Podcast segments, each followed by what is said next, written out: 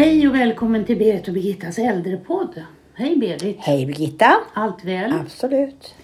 Eh, det är ju kriget i Ukraina ligger ju Ja. fortfarande som Ja. ett svart moln över oss. Verkligen. Även om, om vi börjar ljusna här i Sverige Mm. så är det ju fortfarande hemskt det som händer i Mm. Ukraina.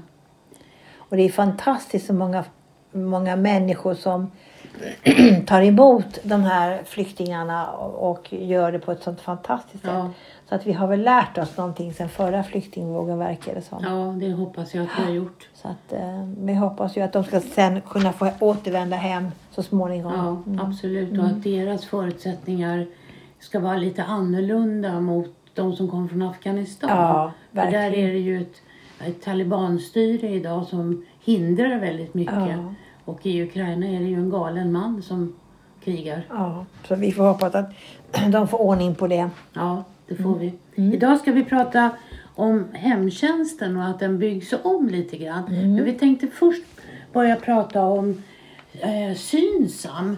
Syna glasögonföretaget som har börjat med hörseltester. Precis. Och då var jag inne och tittade på deras hemsida och det är i och för sig bara tre ehm, affärer eller kliniker som, som gör de här och det är här i Stockholmstrakten då, då och sen finns det en i Gävle. Men de inser ju att, då att syn och hörsel är väldigt väl kopplat till varandra och det är jätteviktigt då att man kollar sin hörsel. Och då gick jag in och läste lite om då att redan vid 50-årsåldern så brukar hörseln förändras. Och um, forskningen visar ju då att, eh, um, att långtidsminnet försämras om man hör dåligt. Vilket i sin tur kan öka risken för demens. Ja, det kan man ju förstå. Absolut. Om man inte riktigt hör, Ja. då blir man ju i sin egen bubbla. Precis. Och då drar man sig tillbaka och då blir man kanske mindre social. Och sen kommer man in i en ond cirkel. Och man blir trött när man inte hör för man får spänna sig för att höra vad folk säger. Så att det är viktigt att man kollar sin hörsel och nu kan man som sagt var göra det samtidigt som man provar ut glasögon och det var väl käckt. Ja, precis. Och jag såg bara någon snabb notis igår som jag inte hann läsa ordentligt att man behöver inte alls testa sin syn så ofta som Nej. de säger. Men jag läste inte mer. Nej, igår var det väldigt mycket på Fråga doktorn Jaha. om just ögonen och synen. Ja. Och hur man skulle gå tillväga. Och man skulle bara kolla synen om man själv tyckte att man inte såg och läsa och sånt där. För det var Nej. ganska lätt. Då. Och sen vill jag verkligen, det här med synen vill jag verkligen puffa för det här med gula fläcken. För Ja. det är också en ålderssjukdom som kommer upp i åren. Och den är svår att upptäcka innan. Så jag brukar skoja och säga om du ser krokigt i nyktert tillstånd då ska du uppsöka doktorn, ögondoktorn för då kan det vara så att du har fått fel på gula Ja, fläcken. ja. Och det är jätteviktigt att man kommer i tid. Ja. För det finns behandling och det finns hopp för det. Bra. Så Ja, bra. var Så det. att Börjar man se krokigt då är det dags att gå och kolla. Annars behöver man inte kolla så ofta. Nej, Nej. så är det. Men eh, den här eh, hör, hörseltesten som de har på Synsam. Mm. De har ju också en hörseltest online. Okej. Eh, så att jag gick in och testade den. Ja. Och det var, det var ett antal, man måste vara över 18 år. Eh, och man fick ett antal frågor som man skulle besvara. Och de talade också om vilka tillstånd man skulle söka vård. Om man, Mhm. om man upptäckte att man hade det rann ur örat eller man hade ont eller något sånt där. Mhm. Och inte bara göra sådana här hörseltester. Okej. Eh, Men sen fanns det då en hörseltest online som jag gjorde. Eh, Och den talade väldigt tydligt om att man skulle ha bra hörs, eh, hörlurar för att kunna göra den här testen och att man satt i tyst rum och så. Eh, Men det var, det var massa olika ljud som man skulle höra och sen skulle man höra så testade de vänster öra och höger öra och så testade de olika ljud på de olika öronen och så fick man själv beskriva situationer som man eh, hörde dåligt i. Okej. Och så fick man ett utlåtande. Då. Eh, nu hade inte jag så bra eh, hörselkåpor som man skulle ha. Jag Nej. slarvade lite där för jag ville bara kolla Testa testet. ja, precis. Men det verkar kunna funka något så att man Ja. får en liten hum Ja, om hur, absolut. Så det kan jag verkligen hur det innan man rusar iväg. För det är svårt att få tag i en audionom. Ja. Och det är väl därför Synsam har börjat. För att de inser då att det är väldigt långa eh, köer tydligen för att komma till en audionom. I Precis. alla fall i Stockholmsområdet. Ja, Men jag tror att det är så över hela Sverige. Jag tror att det är så. Eh, Och audionom var de ju på Synsam, de som gör Ja just det, det är legitimerade audionomer. Precis som legitimerade optiker. Så det är Ja. jättebra. Men det var... Jag var inne och tittade på tider och det var svårt att få tider Jo, det kan där. jag tänka mig. Men... För det var inte varje dag de Nej, hade tider. precis. Mm. Nej, nej, men det är svårt och, och det är ju så viktigt det här med hörseln att man, man verkligen kollar upp det i tid och att man gör det tidigt så man kan lära sig att använda de här hör, hörselhjälpmedlen. För det är Mm. lite, lite knöligt, lite pyssligt. De är ju ganska små numera. Ja, Så att eh, man, man lär sig innan det blir svårt. Va? Och Ja. har man då, då lite sämre syn så är det viktigt att man går i, i tid så man får lära sig handgreppen så att säga. ja, ja. Mm. Men det är bra att det finns. Men sen tänkte vi prata om att hemtjänsten håller på att byggs om lite grann. Man Mm. gör om eh, hemtjänsten till omsorgsteam och serviceteam. Okej. Eh, och det gör man på lite olika platser i Sverige. Eh, för att det ska, man ska få mer tid för omsorgen. Då. Eh, och ehm, man kan ju tänka sig, man har, man har infört de här serviceteamen och omsorgsteamen så är man ju väldigt nöjd på många platser med det. Då. Men det är klart att, och så säger man att man frigör mer tid för omsorg. Och då blir det ju så i mitt huvud att då funderar jag på, det måste ju kosta mycket mer. Mm. Det är ju inte så att man får mer tid bara för att man gör om det till serviceteam Nej, det ska vara personal till alltihopa. Ja, absolut. Mm. Så det borde kunna eh, kosta lite mer. Då. Eh, men, men som sagt var, det många är ju nöjda. Och det som eh, jag, jag läste jag läste ifrån ett ställe uppe i Dalarna som hade byggt om eh, sin hemtjänst. Mm. Och ehm, där hade man då... Ska vi se, jag ska försöka få fram det som jag ville. Det, innebär, det innebär ju då att man, att man skiljer på omsorgen, alltså själva omvårdnaden och det du ska ha hjälp med i hemmet. Ja, Och, och min erfarenhet är, är ju att många nu tack vare rutavdraget väljer ju oftare eh, privat, eh, service, privata serviceinsatser för de är ju inte villkorade. nej. Men när man, vill, när man behöver omvårdnaden då väljer man kommunen eller ett, ett omvårdnadsbolag ja, Mm, eller mm. så. Eh, alltså det här, har, det här är ju egentligen inget nytt. Nej, det är en gammal, gammal tet. Det här har man provat med för länge sedan Ja, också. Ja. Eh, och sen att man gick tillbaka till att man blev ett helt team igen som Mm. körde och gjorde allting. Det handlar ju om om man ville minska antalet personer Som gick, ja, gick, gick hem till folk. Ja, Ja, och att man skulle få en större förståelse för den här personens behov. Mm. Om man gjorde allting. Och att man kunde, eh, alltså kommer ett serviceteam, då tittar de ju bara på vissa saker men ett team som jobbar både med omsorg och service har ju en annan blick. Så det var ju därför man gick in Mm. Ja, man hade ju städ, så kallade städpatruller och Mm. så hade man då. Men samtidigt är det ju så här att har man utbildat sig till undersköterska så är det ju det man vill jobba Mm, med. Man vill ju jobba med personen, eh, runt personen. Man, man har då inte tänkt att man ska gå in och städa och, och, såna här saker. Att man måste plocka undan, att man måste hålla rent runt personen är ju en sak. Men just själva serviceinsatserna är ju ofta med handling och, och mera uttalad ställning. Det är ju inte riktigt det man har valt. Nej, och det ingår ju inte i underskötersketjänst Nej, eller nej. undersköterskeutbildningen. Städteknik. Nej.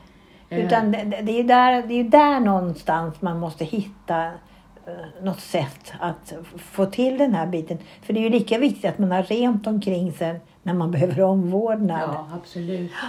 Eh, men, och det är väl det som många är mest missnöjda Ja, med. ja. Så är det städning. Städningen, ja.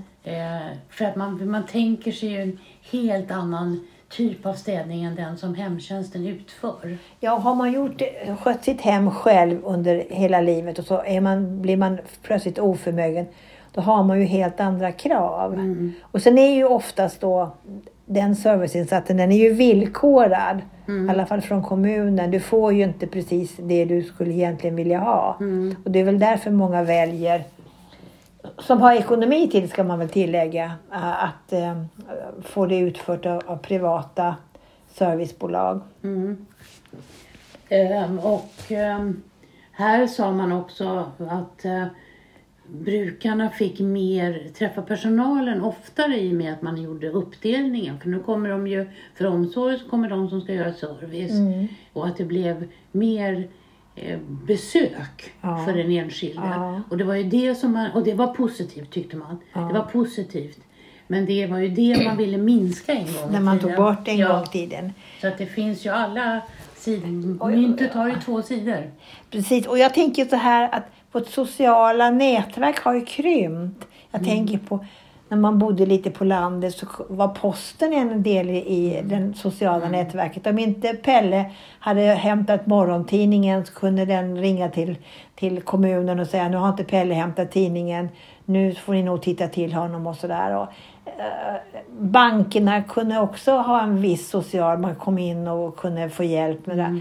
Men allt det här har vi ju krympt. Nu ska man åka till ICA eller Konsum eller vilken affär det är och trycka på en knapp och så kommer det ut ett paket ur väggen. Eh, ingen kommer hem till en längre Nej. fast man har... Så att eh, det har ju också krympt. Va? Ja, och det har ju krympt som insats också. Förr kunde man Ja. ju också få en, ett biståndsbedömt beslut, kan man ju fortfarande, Mm. på någon form av social kontakt. Då. Men det har ju minskat. Och i och med att det har minskat så ser man ju också att det dyker upp massa privata Mm. alternativ som erbjuder sociala kontakter. Och det finns någon sån här em, team som vänder sig till ensamma herrar och där de ska träffas. Och det, ja, det finns alla möjliga varianter numera. Eh, men det är ju så att det är ju en kostnad.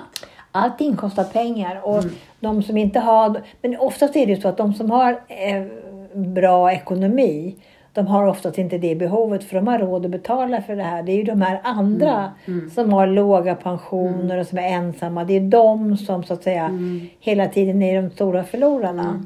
Jag var inne och tittade på ett sånt där företag som erbjöd social kontakt. Alltså någon som kom hem och fika med en eller Mm, och framförallt sitta hemma och prata eller göra någonting.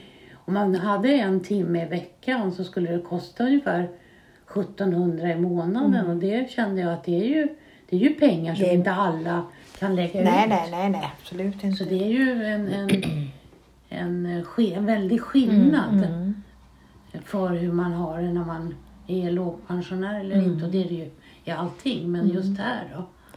Men vi har ju varit med länge och vi har ju känt det här att man har försökt och, och man pratar alltid att man måste öka statusen för personalen för att behålla den. Och jag läste någonstans att det kommer att fattas tusentals eh, undersköterskor eller personal inom hemtjänsten de närmaste åren därför som alla blir äldre och mm, trenden att bo hemma. Man har ju minskat var fjärde eh, eh, omvårdnadsplats eller äldreomsorgsplats i, bo, i särskilda boende sedan 2005. Var fjärde. Var fjärde plats och det är mycket Det är va? Och dessutom har, har, 25 procent. dessutom har antalet äldre ökat Mm. hela tiden och ingen har liksom tagit tag i frågan att bygga om och bygga ut igen. Så att det innebär ju då att ännu fler personer behövs för att komma hem till folk och, och hjälpa till i hemmet. Mm. Och så såg jag senast idag att omvårdnadsprogrammet lockar inte så många. Nej, Så att man måste verkligen kanske tänka om i såna här team då. Det är ju lättare, jag tänker nu, vi har ju väldigt många som kommer, har invandrat till Sverige och som inte har språket och kunskapen och utbildning. Men de kanske kan klara att göra serviceinsatser och få ett jobb de också. För oftast de här serviceinsatserna som de här privata städbolagen har, de, är, de utförs ju oftast av, eh, ja det är oftast kvinnor förstås, som inte har svenska som första språk och har ganska grunda kunskaper i svenska. Men de klarar av det här jobbet. Så det kan ju vara en sak att man kanske ställer mindre språk kunskaper i alla fall i början till just de här serviceinsatserna. Mm, mm. Men att man, de andra då ska vara eh, utförda av kompetent personal med, med vårdutbildning. Samtidigt så måste jag ju verkligen betona att ska man städa hemma hos en person med väldigt stora omvårdnadsbehov så måste man ju vara väldigt noggrann när man städar också. Så att man inte sprider smitta emellan Precis. de olika Olika, brukarna. Ett sätt kan ju vara att man har en som utför städningen medan den andra personen eh, utför omvårdnads... Mm, Så, så kanske man kan då koppla ihop de här personerna. mm, mm. Men på den här platsen där jag läste om, där man hade delat på den, så var personalen väldigt positiv. Okej. Och det var ju flera undersköterskor som hade valt att gå över i serviceteamet, lämna omvårdnadsteamet och gå över i serviceteamet. Och bland annat berodde det på att då kan man få dagtidstjänster. Just det. Och slippa jobba helger och slippa Mm. jobba kvällar. För på små orter så har man ju ofta alla, alla tider i sitt schema. Mm. Eh, Men så att här var man väldigt positiv till det, att kunna ändra på sitt schema lite mera. Mm. Och samtidigt läste jag ju om en, en em, ensamstående mamma som jobbade i hemtjänsten i en kommun, i en liten kommun. Eh, och där, i den här lilla kommunen så har man fortfarande kvar delade turer och man jobbar varannan helg. Mm. Och hon var ensamstående mamma och hade väldigt dåligt kontaktnät. Okej. Så hennes dotter fick ju vara på en sån här nattis Mm. när hon jobbade. Och ibland kunde det bli alltså, otroligt många timmar i veckan mm. som hon var där. Och då hade förskolepersonalen eh, gjort en orosanmälan till socialtjänsten. Oj. Därför att de tyckte att hennes dotter var för länge på, På förskola. förskolan. Mm. För det blev ju dag och så blev det nattis. Och så blev det dag och så blev det nattis. Och det, det är klart att om man jobbar, om man tänker sig att man jobbar fredagen med Mm. delad tur. Och så jobbar man lördag med delad tur. Och så söndag med delad tur. Då blir det ju väldigt många timmar Mm, Ja. som man måste ha omsorg om sitt barn. Mm. Därför att de här, börjar man sju på morgonen Till och så- nio på kvällen. Ja, Mm. så är det några timmar mitt på dagen och då kan man ju inte ta hem barnet. Nej, nej. Så att det, och då kan ju ett sånt här serviceteam på små orter eh, klar, göra att många klarar sig. Mm. Man faktiskt kan jobba kvar då i hemtjänsten. Och då får man hoppas att ekonomin håller också. Ja, För det, Det- det är en ekonomisk fråga för den här ensamstående mamman också som kanske har bättre betalt om hon jobbar kvällar och helger. absolut, det har hon ju. Så det är liksom flera problem som man måste titta över. Mm. Och hon jobbade ju heltid den här Ja, ensamstående ja, mamma. Ja. ja, det måste man. Jag måste Ja. försörja sig. Och det är klart, det är precis som du säger, hon får OB-tillägg som hon förlorar då. Men ehm, det kanske är värt det under några år. ja, precis. Ja, det här är en svår nöt att knäcka. Det här har vi pratat om många gånger Mm. hur man ska göra. Men jag tror också att vi måste hitta nya sätt och nya, nya arbetsmetoder för att personalen ska vara kvar. Och vi måste på något sätt försöka locka in andra, andra yrkeskategorier Mm, inom vården mm. så att vi får, Mm. får till det. Den här eh, teamet då, som jobbade med service i den här orten, de ehm, sa att när de kommer bara för att städa så kan de också försöka aktivera en boende. Och det kan man ju göra även om man inte har ett serviceteam. Mm. Men de upplevde att de hade mer möjlighet till det då, när de Ja. bara jobbade med service. Det låter ju ganska smart egentligen. Mm. Så man får väl hoppas att fler tittar på det där. Men jag har en känsla av att de flesta privata företag de börjar fasa ut sina... Därför att det, det är svårt att få personal och det är oftast inte lönsamt. Och framförallt om man bor... Man har en kommun med, som är vidsträckt Mm. och har mycket landsbygd. Då är det svårt att få det här att gå ihop. Både ekonomiskt och personalmässigt. Mm. Så att det är svårt och man måste hitta nya sätt att, eh, att jobba på. Så är det. Så serviceteam och vård, omvårdnadsteam kanske är ett, ett sätt att gå att locka personal. Att du har två olika möjligheter och att du kan vandra emellan. Om du nu är ensamstående Mm. något år eller några år så kanske du kan jobba dagtid med det här och så kan du, kanske du väljer att gå över. Eller du kanske, kan, man kanske kan flexa. Ja, absolut. Så att det, det är en ganska smart idé egentligen. Det är bara att hoppas att det inte är så att det blir för dyrt. Nej, För att det är klart att om, om omsorgen, om man får lite mer luft i schemat, vilket man ju får, och det upplevde den här kommunen att de fick. Ja. Mycket mer luft i schemat. Ja. Behövde inte alls stressa. För du pratade om, hade sett någon siffra på hur mycket tid man fick. Ja, man, alltså om man tittar på att, att man har gått ifrån, man har alltså för 2005 då hade man ungefär 9 besök per dag.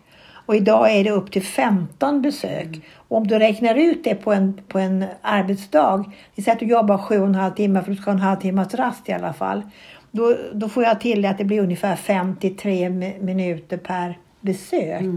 Och det innebär ju du ska, du ska ta dig dit, du ska eh, klä av dig ytterkläder, du ska gå in och försöka vara något sånt ta reda på vad, och läsa kanske igenom vad du ska göra och sen så är det dags att gå nästan igen och så ska du dokumentera.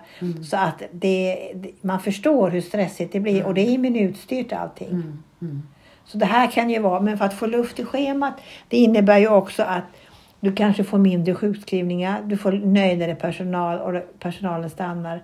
Så i långa loppet så kanske det ändå lönar sig. Ja, det kan ju göra det. Så För att- det är dyrt med sjukskriven personal. Ja, och då ska du ha eh, vikarie till det. Så att, jag tror att man biter sig lite i foten om man hela tiden tänker bara ekonomiskt. Man måste tänka på eh, arbetsmiljömässigt också. Absolut. Ja, det var vad vi hade idag, det var Berit. det ja. Tack för idag. Tack för idag. Ha det bra. Samma. Hej. I've struggled hard, but I failed to see that you have always wanted something.